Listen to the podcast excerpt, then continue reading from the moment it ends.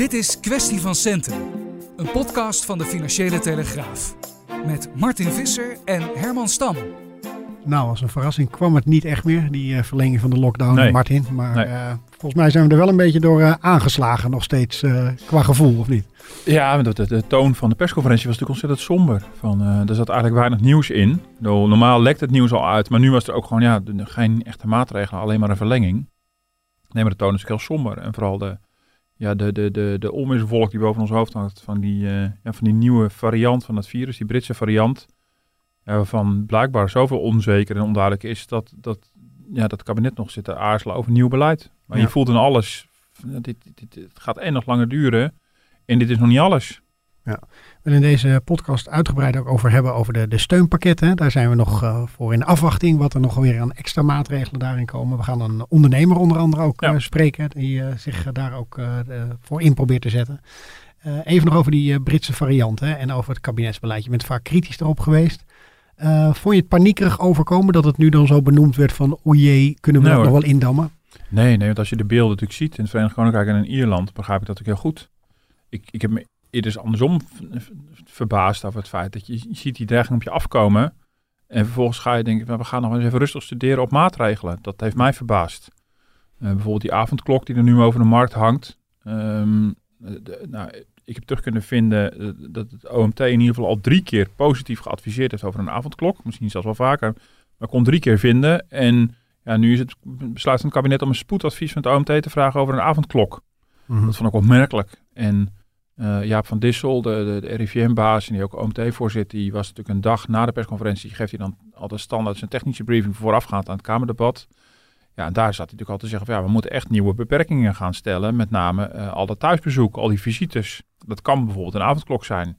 Ja. Ja, ik vind het opmerkelijk dat je een persconferentie hebt, eh, hebt op de ene dag en dan vervolgens de baas van de OMT die al aanbevelingen doet over nieuwe maatregelen. Denk ja, maar die nieuwe maatregelen hadden toch de dag ervoor allemaal moeten horen. Dus nee, ik vond het niet paniekerig. Ik vond eh, een, het is een hele sombere toon zonder duidelijkheid over hoe nu verder. Dat, Ja. dat, ja, Maar, is dat een tactiek van Rutte? Dat hij alvast een soort eh, teen in het water doet en even peilt van Ja, eh, misschien. hoe gaat dit vallen? Nou ja, kijk, wat in ieder geval wat ik natuurlijk begrijp, ook gewoon vanuit meer uit de politieke verslaggeving, is dat de avondklok heel gevoelig ligt. Nou, in het Kamerdebat zagen we natuurlijk ook. En ik begrijp, begrijp op zich ook wel dat het een gevoelige maatregel is. Ik bedoel, het is ook geen, geen lolletje en ik zit er persoonlijk ook niet per se op te wachten. Ehm, ehm, maar ja, nee, ik, ik vind het te ver gaan om te zeggen dat het echt nou tactiek is. Misschien wat betreft die avondklok, misschien wel om te kijken of je politieke goodwill kan krijgen.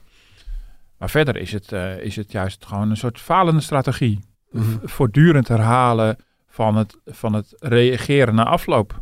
Dus wachten op, eh, wachten op consensus. En wachten tot de maatschappelijke druk zo groot is dat je het wel moet doen. Dus een soort, ja, een soort volgerschap in plaats van leiderschap. Dat kan een manier zijn om te overleven politiek. En dat doet Rutte natuurlijk wel heel handig. Maar dat is niet een manier om een crisis te bestrijden. En dat valt me eerlijk gezegd tegen van iemand die al tien jaar dit doet. Dat je denkt, dit, ik bedoel, dit, kan, dit kan anders. Je hebt zoveel goodwill opge opgebouwd eh, in Nederland. Ehm, dit, dit kan echt anders. Maar goed, dat is, het gaat, gaat consequent, gaat het zo. Is dat ook met, het, eh, met de Britse variant, om het zo maar te zeggen? Want dan eh, hoor je nu weer dat er toch eh, extra maatregelen komen hè, richting de vrachtwagenchauffeurs die nog naar Engeland heen en weer rijden. De, Ja. de mensen die terugkomen vliegen. Vind je dat ook eigenlijk te laat dat dan nu die maatregelen worden verscherpt? Ja, dat is, bedoel, en dat ontstaat ook weer door kritiek en druk. Nou gaan, we, gaan, gaan onze collega's rond zitten bellen. Hoe gaat het eigenlijk in, met, met het vrachtvervoer? Hoe gaat het eigenlijk met de vliegtuigen? Ja, dan wordt ook al snel duidelijk. Ja, dat, dat is gewoon allemaal zo lekker als een mandje. Ja. En dat is natuurlijk een soort eh, een later. Het is allemaal niet zo ingewikkeld. Ik bedoel, weet je, wij kunnen het op de redactie bedenken. Dus dan neem je toch aan dat zijn ministeries en RIVM dat ook allemaal kunnen verzinnen. Dus zo ingewikkeld is het allemaal niet. Maar het is toch een angst om te drastische maatregelen te nemen. Kijk, één kant is het, is, het is geruststellend dat politici niet voor een rij staan om onze vrijheden te beknotten. Dat ze daar aarzelingen bij voelen. Dat is op zich een geruststelling. Mhm. Dat ze niet denken van mooi, we gaan eens even de boel eh insnoeren. Maar dit- ja, dit, zijn, dit zijn dreigingen. Denk je, daar ben je toch liever voor. Het voorzorgsprincipe van handel, eh, handel zo snel mogelijk om, om erger te voorkomen. Ja, ik vond het ook in het Kamerdebat op, opmerkelijk dat bijvoorbeeld in D66 dan tegen die avondklok is. En dan Rob Jetten die zegt, ja, behalve als we eenmaal Londense toestanden krijgen, ja, dan, dan mag het misschien. Ja, maar dan ben je dus al te laat. Ik bedoel, Mhm. dat is natuurlijk de hele, het hele eieren eten. Dat wil je natuurlijk steeds voor zijn. En, Ja. eh, maar goed, dat, dat vind ik echt opvallend. Hoe kijk je tegen die theorie aan? En je hebt sommige mensen die zeggen van ja, hoe harder die lockdown, dan kan je er economisch ook sneller en beter uitkomen. Ja, ja. Kan je daar eens wat voorbeelden van schetsen en of wij dat als Nederland ook... Uh, nou, dat, dat zou op zichzelf... Uh, daar wordt overigens nog steeds over gediscussieerd, want niet, niet al die economen zijn het daar heel erg over eens. Ehm, theorie zou het heel goed kunnen dat je heel snel ingrijpt, heel stevig ingrijpt en dat het ook heel erg duidelijk is. En dat je in de tijd van een lockdown ook alvast het beleid maakt voor, voor daarna. Dat is overigens iets wat ook bijna niet gebeurt. Van hoe moet het dan daarna? Want er wordt nogal per dag gekeken. Uh, en dan geef je ondernemers ook duidelijkheid, of die proberen in ieder geval te geven, dat ze, dat ze weten, oké, het is nu voor zoveel weken, vier, vijf, zes weken wat de tanden bijten, maar op een gegeven moment houdt het op. We weten niet exact wanneer, maar wel, we kunnen ongeveer verwachten wanneer het zal zijn.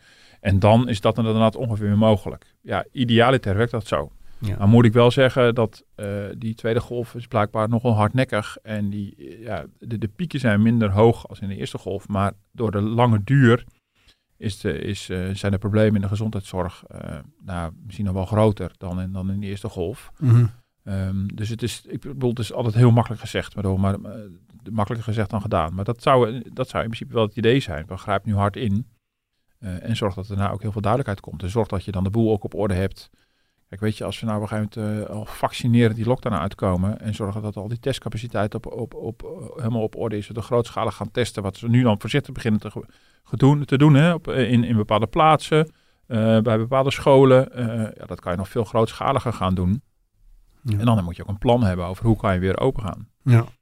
Onze correspondent in België schreef, uh, het valt wel mee zo'n avondklok, want daar hebben ze natuurlijk allemaal ja. wel, want je kan s'avonds toch niks meer doen na zessen qua winkels, horeca, noem maar op. Ja, ja. Nee, kijk, maar het is ook bedoeld natuurlijk om vooral het sociaal verkeer te beperken. Dus dat is, dat is de hoop dat het, dat, het, dat het makkelijker te handhaven is om te voorkomen dat, uh, dat er toch allerlei feestjes uh, gevierd worden her en der. Uh, dat uh, mensen toch bij elkaar op visite gaan. En nu, nu mag je maximaal twee mensen ontvangen thuis. Maar je ziet natuurlijk in die, in die besmettingsbronnen dat het, het thuisbezoek daar flink hoog nog in staat. Um, dus binnen wat er mag, even nog los van illegale feestjes. Ik bedoel, dat probleem heb je natuurlijk maar binnen de grenzen van wat mag, eh, ja, heb je toch nog te veel besmettingen dan, dan je zou willen. Ja, en als je als overheid niet achter de voordeur wil, gaan handhaven, dan doe je dat net voor de voordeur. En dat doe je via zo'n avondklok. Ja. Ja, en uh, ja, ik zat ook bij mezelf te denken, als we om acht uur niet meer naar buiten mogen. Ja, ik vind het een naar idee. Um, um, maar ja, ik vind me af te vragen wanneer ik nu tegenwoordig naar acht uur naar buiten ga. Mm -hmm. Als ik avonddienst heb, dan ga ik graag naar zijn avonddienst op de, op de, op de krant werken. Uh, dan zit ik mijn gezin niet zo in de weg verder kan ik me eigenlijk niet, niet heugen de afgelopen ja. tijd dat ik naar achter... Je laat, geen, je laat geen hond uit op dat tijdstip? Ik heb, ik heb geen hond. Dingen. De kaafje hoeft niet uitgelaten te worden. Dus, uh, nee. Nou goed. Hey, uh, zoals ik al zei, we gaan het veel over die steunpakketten ook hebben. Ik wilde eerst eens eventjes uh, gaan inbellen met Nico Niesing. Dat is een eigenaar van een, een beauty shop die cosmetica levert aan kappers. En als het goed is, hangt hij nu aan de lijn. Goedemorgen. Ja, meneer Niesing, fijn om u even aan de lijn te hebben. U mailde ook zelf met Martin, die geregeld schrijft over die faillissementen. Die vallen eigenlijk nog mee in Nederland tot nu toe. Maar u zei nou, maar mensen vergis je niet, het is echt veel ernstiger nog dan je denkt. Ja, ja, er zijn momenteel, ja, het zijn gewoon verborgen drama's noem ik dat. En vooral in onze branche, kijk, wij zitten in een iets kleinere branche, de kappersbranche en de schoonheidsindustrie. En dat is grotendeels, uh, dat zijn kleine zelfstandigen. En destijds toen ze eigen bedrijf begonnen, konden ze kiezen. En dan zegt de accountant of boekhouder, ga voor een eenmanszaak. En daar is natuurlijk geen enkele rechtsbescherming. Het privé en zakelijk lopen we door elkaar heen. En alles wat je tegenmoet uh, aan, aan steun en allemaal dingetjes hebt, dat zijn allemaal tegemoetkomingen.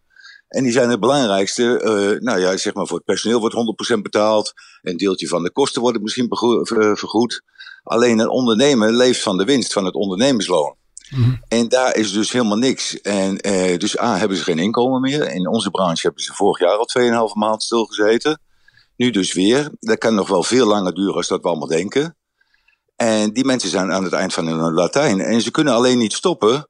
Want ze hebben misschien een huurcontract wat nog drie jaar doorloopt. En ja, als ze een eigen huis hebben, dan zegt zo'n huurbaas, want er zitten horken tussen. Die zeggen gewoon, ja, daar heb ik malig aan. Je moet gewoon betalen. Mhm. En je verkoopt je huis maar. Eh, dat soort drama's op dit moment.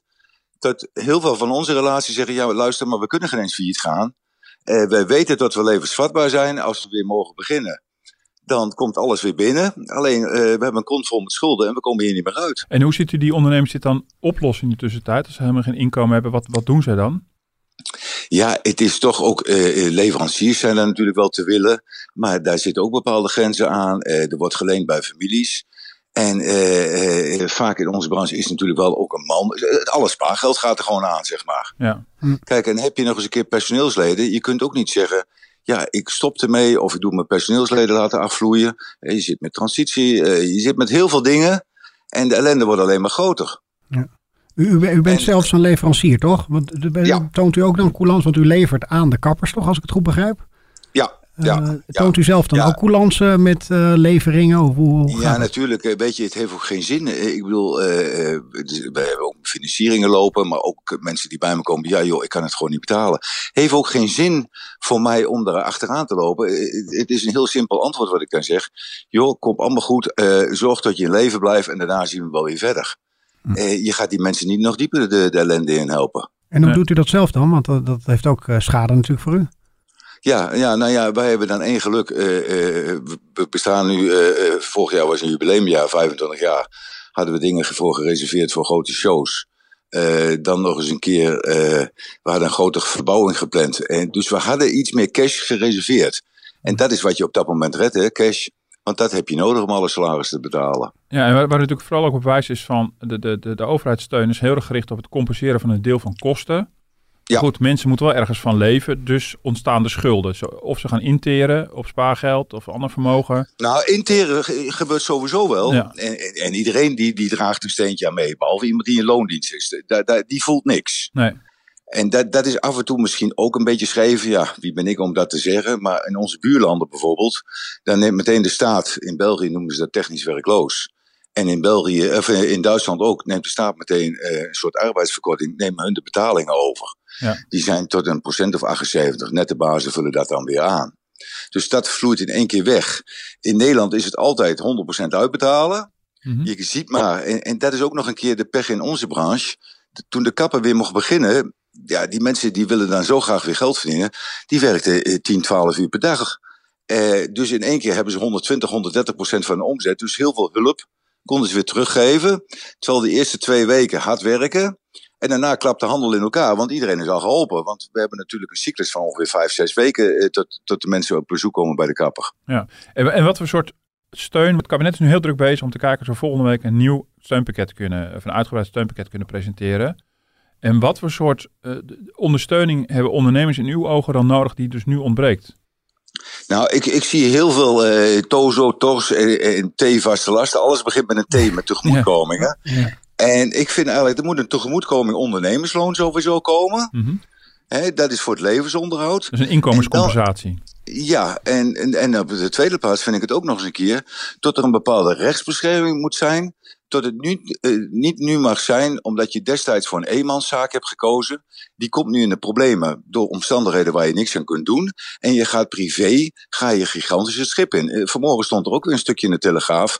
Ja, we kunnen het in de minne schikken en dan ben je na drie jaar wel uit de ellende. Ja. Dus dan, ben je, dan heb je geen zaak meer waar je hard voor gewerkt hebt. Ja. Je bent na drie jaar uit de ellende en alle bedrijven, dat marcheert lekker door. Ja, waar u bang voor bent is als je een BV hebt, dan is je op een gegeven moment je, je BV weg, maar dan ben je privé uh, ben je vrij. Maar u bent bang dat je mensen, hebt je huisje, je je zakelijk huisje en nog. privé totale schip ingaan. Dat er straks ook gewoon mensen hebben die persoonlijk allemaal failliet zijn.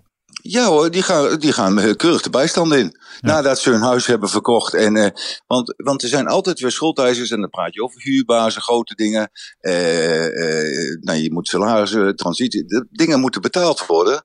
Ja, en dan kunnen ze gewoon de schuldsanering in. En dat duurt gewoon drie jaar. Ja. Hm. zit u bij brancheorganisaties waarin u samen vuist maakt voor dit? Of? Ja, ja, we hebben regelmatig contact met brancheorganisaties. En die doen ook heel erg hun best. Hm. Alleen, uh, ja, ik, ik, ben iets meer dan ondernemer. Net zoals, en ik heb elke dag schijnende gevallen aan de telefoon. Dus ik begin nu wat gaat het te schreeuwen voor, voor, voor onze branche. Mm. En eh, omdat ik nu zeg ook tegen, tegen onze brancheorganisaties van jongens, lobbyen en alles helpt niet meer. De publieke opinie moet je nu ook mee gaan krijgen. Want politici doen hier niks aan. Als, als er niemand op te schreeuwen van al die kleine zelfstandigen gaan een schuldsanering in. Als dat probleem niet bekend is. Ja, kijk, als een kapper failliet gaat eh, is niet zo erg. Want als we weer mogen opstarten, er staat binnen twee tellen weer een andere kapster op die weer een zaakje begint. Het is heel vloeibaar. Mhm. Wij merken daar niks van. Dus we krijgen heel veel ja, eh, stille armoe.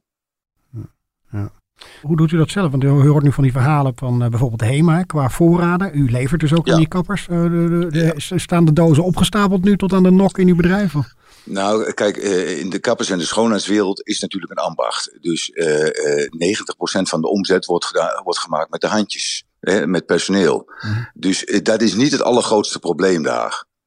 Alleen het was voor mij even een vergelijk om aan te geven eh, eh, tot de HEMA eh, op de achterste po- poten gaat staan omdat Albert Heijn de handdoek in de aanbieding gooit. Die zegt, hé, dat is mijn handel. Terwijl wij, wat we nu zien in de supermarkten, ja, daar zijn de schappen met de haarkleuringen niet aan te slepen. Eh, terwijl de kapper niks mag doen natuurlijk. Ja.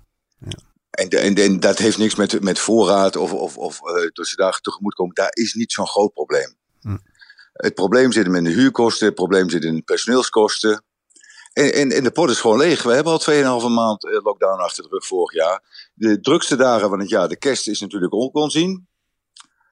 En nu, als we mazzel hebben, ik, ik ben daar misschien wat pessimistischer in als de rest. Maar we horen nu, Duitsland zegt ook al, joh, eh, februari is geen optie meer. Eh, België heeft nu al gezegd 1 maart. En eh, ik zou helemaal niet eraan staan te kijken als zometeen bevrijdingsdag echt bevrijdingsdag gaat worden. Ja, u zei dat u weinig gehoord wordt nog hè, in de publieke opinie. Dat u dat ook graag wilde vertellen. Dat, dat is in ieder geval nu even gelukt eh, om uw verhaal aan te horen. Eh, we danken u daarvoor en eh, wensen u ook veel sterkte met het ondernemen de, de, de komende tijd. Ik wens mijn klanten nog veel meer sterkte. Dank u wel. Dank u wel. Ja, Martin, ik, vind, ik word er altijd een beetje stil van aan de ene kant. Als je dan ook hoort van eh, de huilende ondernemers en eh, de schijnende verhalen. Dat wordt heel concreet als zo'n man dat ook vertelt. Ja. Je, je ziet hem eigenlijk langsgaan bij zijn zijn klanten en denken van hoe gaan we hier in godsnaam uitkomen. Nou, in dit verhaal, ehm, ik had inderdaad van de week een vraag geschreven over dat die vier cement allemaal zo reuze meevielen. En daar reageerde hij dus op. De dag daarvoor hadden we een groot verhaal in de krant met, eh, met, met de voorzitter van VNO en MKB. Eh, en eh, eh, Jacco Vonhoff, voorzitter van MKB, wees ook heel nadrukkelijk hierop. Bedoel, het is prachtig dat er allerlei onkosten worden gecompenseerd, ehm, voor een heel groot deel. Eh, maar ondertussen, heel veel ondernemers moeten leven van de winst. Bedoel, het verschil tussen hun omzet en de kosten, dat is, eh, dat is hun winst. En dat is ook hun inkomen in de praktijk. Ja, en als je, ja, heel simpel, als je geen omzet hebt eh, en een groot deel van je kosten worden weliswaar vergoed, heb je nog steeds geen inkomen. En dat Mhm. is waar, waar eh meneer Nietzsche natuurlijk ook op wijst. Van Ja, de- mensen zitten gewoon zonder inkomen en die gaan interen. Eh, nou, en hij wijst erop, ja, er worden allemaal schulden gemaakt. En mailde dat ook misschien bij familie. En eh, mensen denken toch van ja, dit houdt een keer op. Ja. Dus, dus ja, waarom zou ik mijn gezonde bedrijf kapot laten gaan als ik gewoon weet, de, ah, die lockdown houdt een keer op en dan kan ik gewoon de draad weer oppakken. En ondertussen zit je dus zonder inkomen en een schuldenberg. En, en dat is een aspect wat inderdaad in de, in de steunpakketten nog niet is meegenomen. En ik ben ook heel benieuwd of dat wel gaat lukken. Want het, dat, het steun wat we nu kennen is in dat opzicht relatief, relatief makkelijk. Oh ja, je kan eh, aangeven wat je loonkosten zijn. En je geeft aan wat je omzetverlies is. En met een formule komt er dan een soort compensatie voor loonkosten uit. Idem dito voor je vaste lasten. Vaste lasten gaat dan op basis van, van gemiddeldes uit die branche. Niet je echte vaste lasten. Nou, daar zitten wel plafonds op. En eh, nou goed, dat is allemaal techniek. Maar dit gaat ook over de inkomens van mensen. En eh, het, het, het opstapelen van schulden. De MKB-voorman zei dat ook. Van, ja, een grote schuldeiser, en een Nissing wijst net op families waar je dan leent en zo. Maar een grote schuldeiser is, is ook de fiscus. Mhm. Want een belangrijke steunmaatregel is geweest het uitstellen van belastingen. Maar dat betekent, ja, vroeg of laat moet je die wel een keer gaan betalen. Ehm, eh, misschien een schuld bij de bank, krediet die is aangegaan, een schuld misschien bij je huurbaas. Ehm, dus wat je gaat krijgen is niet alleen dat de kosten een probleem zijn, maar ook het feit dat de schulden zijn opgebouwd en het vermogen enorm is ingeteerd. Ja. Eh, en dat, ik ben, ik, ja, ik, ik, ik heb er een hard hoofd in, maar ik, ik heb, nou goed, ik weet niet of het kabinet daar volgende week mee gaat komen, maar ik vrees van niet. Maar, Ja.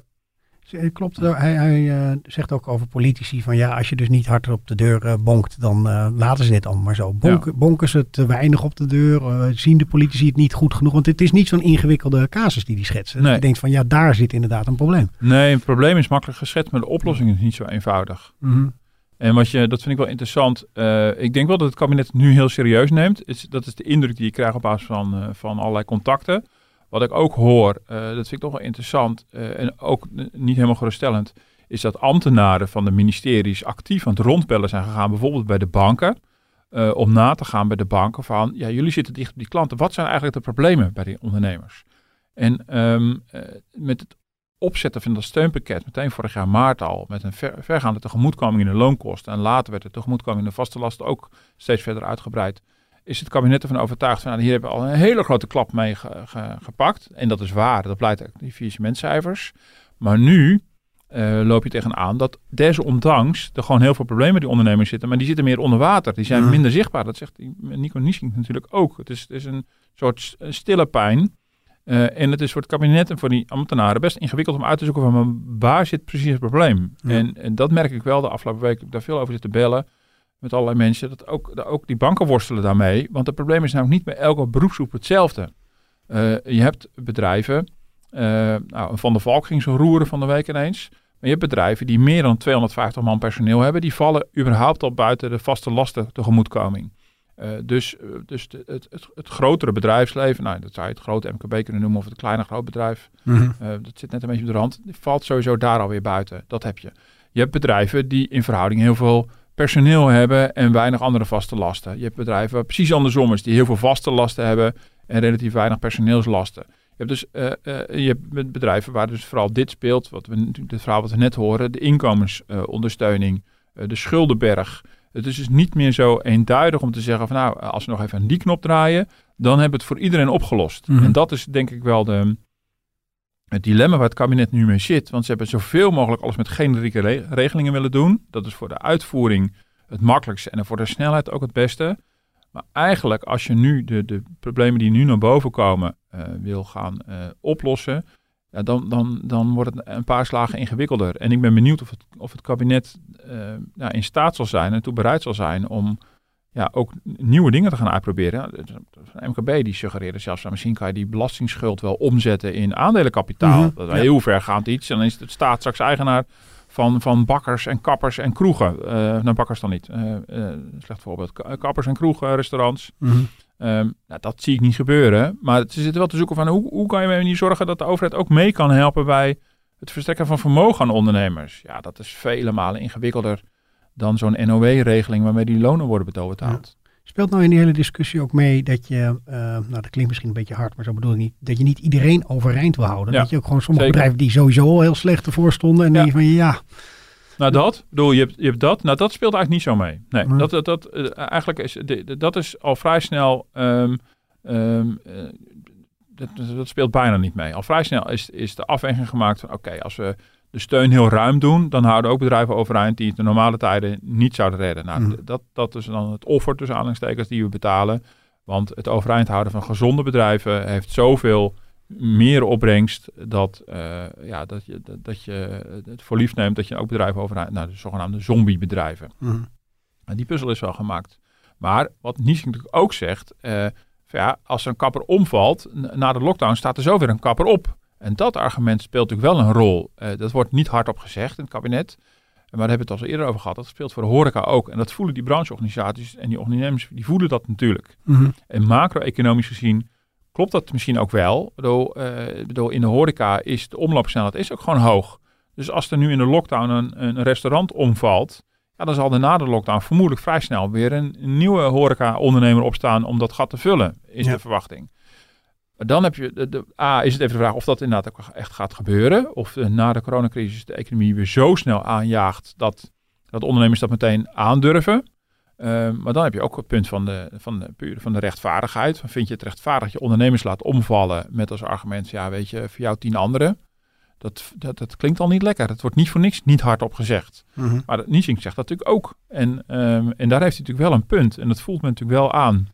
Um, en dat zo wel wordt geredeneerd. Van, uh, uh, en tegelijkertijd kan ik het ook alweer een beetje begrijpen. Dat je als, als minister denkt, ja, maar ik heb uiteindelijk verantwoordelijkheid voor, voor de hele economie.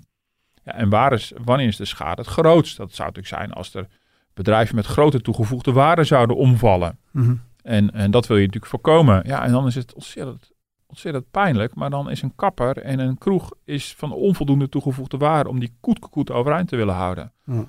Uh, en dat, ja, dat, dat, dat voelen ze natuurlijk aan de andere kant. Dus ik ben benieuwd. Het kabinet heeft nu gezegd, ja, de Rutte zei het gewoon letterlijk. We moeten nu de ondernemers door die laatste fase heen trekken.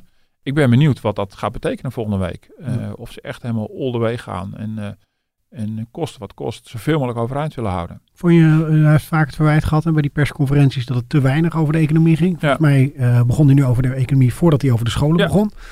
Alleen, het we zijn nu weer aan het wachten op een steunpakket. Van had niet al daar wat meer over verteld kunnen worden? Om, om, om dat, die, die stip aan de horizon aan te geven. Nou, ik vond in dit geval al winst dat de toezegging meteen kwam. In het mm. verleden heb je ook wel eens gezien dat de toezegging dan in het kabinet, in, in het Kamerdebat kwam.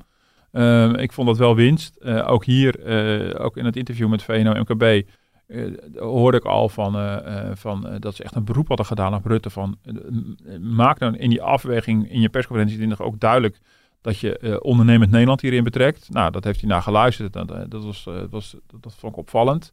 En het was ook wel duidelijk dat ruim voor die persconferentie um, er hele intensieve gesprekken al plaatsvonden tussen de ministeries en, en, en de brancheorganisaties en het bedrijfsleven. Um, nou, en dat het dan in de techniek even ingewikkeld is, dat kan ik op zich wel begrijpen. Uh, het is in ieder geval al een stap beter dan dat je, um, dan dat je pas een paar dagen later tot ontdekking komt onder druk van de lobby en van de ophef van, oh ja, verrek, misschien moeten we iets aan de steun gaan doen. Dus mhm. dat is in ieder geval al een verbetering. En um, uh, goed, het, het, is, het is, ik ben, ben heel benieuwd hoor, want het ziet er toch wel uit dat ze wel echt wel meer willen doen dan alleen maar een paar bestaande knoppen te draaien. Uh, want het is niet zo dat ze nu meteen uh, deze week ook meteen al een steunpakket hebben. Um, daar komen ze volgende week mee. Besluitvorming zou als goed is uh, dinsdag zijn door de meest betrokken ministers. En dan nou, ergens later in die week komt dan het pakket naar buiten, is nu de, de verwachting. Mm -hmm. um, dus ja, dat, dat, dat stemt wel hoopvol over wat het behelst als ze er zo lang voor nodig hebben. Ja. Dus nee, het was opvallend dat Rutte die, die, dat heel duidelijk ook wel in ieder geval een plek gaf. Dat vond ik al een, vond ik al een hele duidelijke verbetering. Ja, dat is geen geld waar een ondernemer meteen iets aan heeft. Ja. Maar dat hij zich wel realiseert oh ja, in de afweging zijn wij meegenomen. Ja. En ondertussen krijg je ook wel berichten, of zie je berichten dat er ook alweer uh, gekeken wordt naar die controles. Of mensen niet uh, ja. oneigenlijk dat geld hebben gekregen. De, voor, voorzie je daar ook nog uh, de komende maanden allerlei schandalen. Ja, dat er geld wordt teruggevorderd. En dat het eigenlijk niet een beetje een soort toeslagenaffaire 2.0. Ja, dat, dat vind ik moeilijk in te schatten. Maar ik bedoel, het is natuurlijk wel zo, die afhandeling hiervan. dat gaat nog even duren. Mm. ik bedoel, het is heel erg gericht geweest op het snelle uitkeren. En nou, daar hoor ik eerlijk gezegd ondernemers ook niet zo over klagen, over dat ze zo lang moeten wachten of iets mhm. dergelijks. Maar dan moet ik wel, kijk, iedereen moet een inschatting maken van, uh, van zijn omzetverlies en, uh, en zijn loonkosten opgeven. Ja, daar worden ook fouten ingemaakt, expres of per ongeluk. Uh, en dat moet naderhand moet dat allemaal verrekend worden. Dat zal een enorme puzzel zijn. En dan zullen ongetwijfeld ook gevallen naar boven komen van onbedoelde steun. Of van steun die volgens de letter van de wet mag, maar waar, waarvoor het eigenlijk niet zo bedoeld was. Maar dat is dan de prijs die je ook een beetje moeten betalen. Ik bedoel, mm maar echt, ja, fraude, ja, je hoopt natuurlijk dat, dat die fraude eruit wordt gehaald. Maar wat in ieder geval wat een groot verschil is met de toeslagen natuurlijk, is dat dit allemaal eenmalig is. En um, um, ja, dus als, als, als ja, door, de, door de veelheid en de complexiteit op een gegeven moment, ja, uh, daar ook gevallen tussendoor glippen die de, te kwade trouw zijn geweest, is dat, is dat misschien allemaal ontzettend oneerlijk. Maar je weet ook wel van, het is niet een aanhoudende affaire of iets dergelijks. Nee. Uh, ik ben benieuwd of ze bij de fiscus echt dan durven doordrukken naar alle schandalen die ze nog met de ja. affaire natuurlijk uh, nog moeten verwerken. ja, ja dat, is, dat, dat is natuurlijk wel, uh, dat is inderdaad zeker uh, ingewikkeld. Maar ik kan me ook weer voorstellen dat ik met, met die toeslagaffaire in achterhoofd misschien eerder voor de, het voordeel van de twijfel kiezen mm -hmm. dan voor de, de duimschroeven aandraaien. Ja. En nou, dat is op zich ook, is denk ik ook wel logisch. En er zijn ook gewoon domweg veel te veel gevallen om dat allemaal helemaal tot op de bodem uit te zoeken. Nou. Uh, volgende week dan, hè? Wat, denk je? Ja, ik ga je niet om voorspelling daarin vragen, maar wel, uh, ja, het zal niet de laatste keer zijn, denk ik, dat zo'n soort persconferentie dan komt met een steunpakket. Maar uh, het wordt wel de grootste ever, of krijgen we dat soort woorden erbij? Ja, ik weet niet hoe ze dat uh, denken. Ja, op zich is het wel, het is natuurlijk wel opvallend. En het is natuurlijk interessant om even nog te zeggen dat daar wel echt wel een draai is gemaakt. vanwege de andere fase van de crisis waar we in zitten. Uh, waar, waarbij we natuurlijk een paar maanden geleden, nu eigenlijk in een periode, een paar maanden geleden is natuurlijk bedacht dat we nu in een periode zouden zitten van een afbouw van steun, van een versobering. Nou, die versoberingen die worden natuurlijk teruggedraaid. En zeker nog, het wordt steeds weer verder uitgebreid. Dus dat is wel echt opmerkelijk. Mhm. Maar het is ook allemaal in het licht van dat dit is eindig. We weten gewoon, dit houdt een keer op. Ergens in de komende maanden. Dus het zou ook een beetje zonde zijn van al die reeds geleverde steun om op de, op de valreep allerlei bedrijven om te laten vallen. En uh, nou, ik weet niet of het met heel veel bombardie, uh, de, drie, de drie W's, die zijn meestal nogal uh, cool in hun, in, in, hun presentatie. Ja. En het zijn niet allemaal Hugo de jongens, maar Dus Nou ja, zijn en meestal- er speelt nog wel wat in het kabinet ook Nou qua ja, dat, eh, ja, toeslagenaffaire. Of ze nog aan zijn, eh, Nou, moeten we maar eh, zien. ja, eh. dus, dus in die zin is het ook allemaal heel rumoerig. eh, eh, eh, eh, zeker. Ehm, dus de toeslagenaffaire eh, speelt natuurlijk. En er speelt natuurlijk eh, de, de, de vraag of er eh, volgende week, naar aanleiding van die Britse variant van het virus, ook dan al meteen weer nieuwe maatregelen moeten worden aangekondigd. Dus, ehm, eh, dus ja, dat moeten we, moeten we even zien. Maar het is denk ik wel van belang dat het kabinet dit heel erg serieus neemt. En ik hoop dat ze, dat ze het lekker met je boven kunnen krijgen. Een voorbeeld zoals we nu uit de kappersbranche hebben aangeraakt gekregen. Dat ze zich realiseren, oké, we hebben echt ongelooflijk veel gedaan. Het is super genereus. Dat Mhm. kan ik niet, va- niet vaak genoeg zeggen. Maar tot desondanks gewoon echt hele reële problemen bij ondernemers zitten. Waar, eh, ja, ja, waar met, ja, met, met relatief bescheiden middelen, vergeleken met wat we allemaal al hebben uitgegeven, misschien nog iets aan te doen is. Dankjewel voor je tijd. Eh, meneer Niesink, eh, nogmaals eh, dank. Ik vind het leuk als mensen ook zelf dan contact opnemen. Dus blijf dat ook doen via podcast.dft.nl of mail Martin zelf. Want dit kwam rechtstreeks volgens mij in jouw binnen, mailbox. En u kunt ons eh, terug luisteren op iTunes en op Spotify. Bedankt voor het luisteren en tot volgende week. Tot volgende week.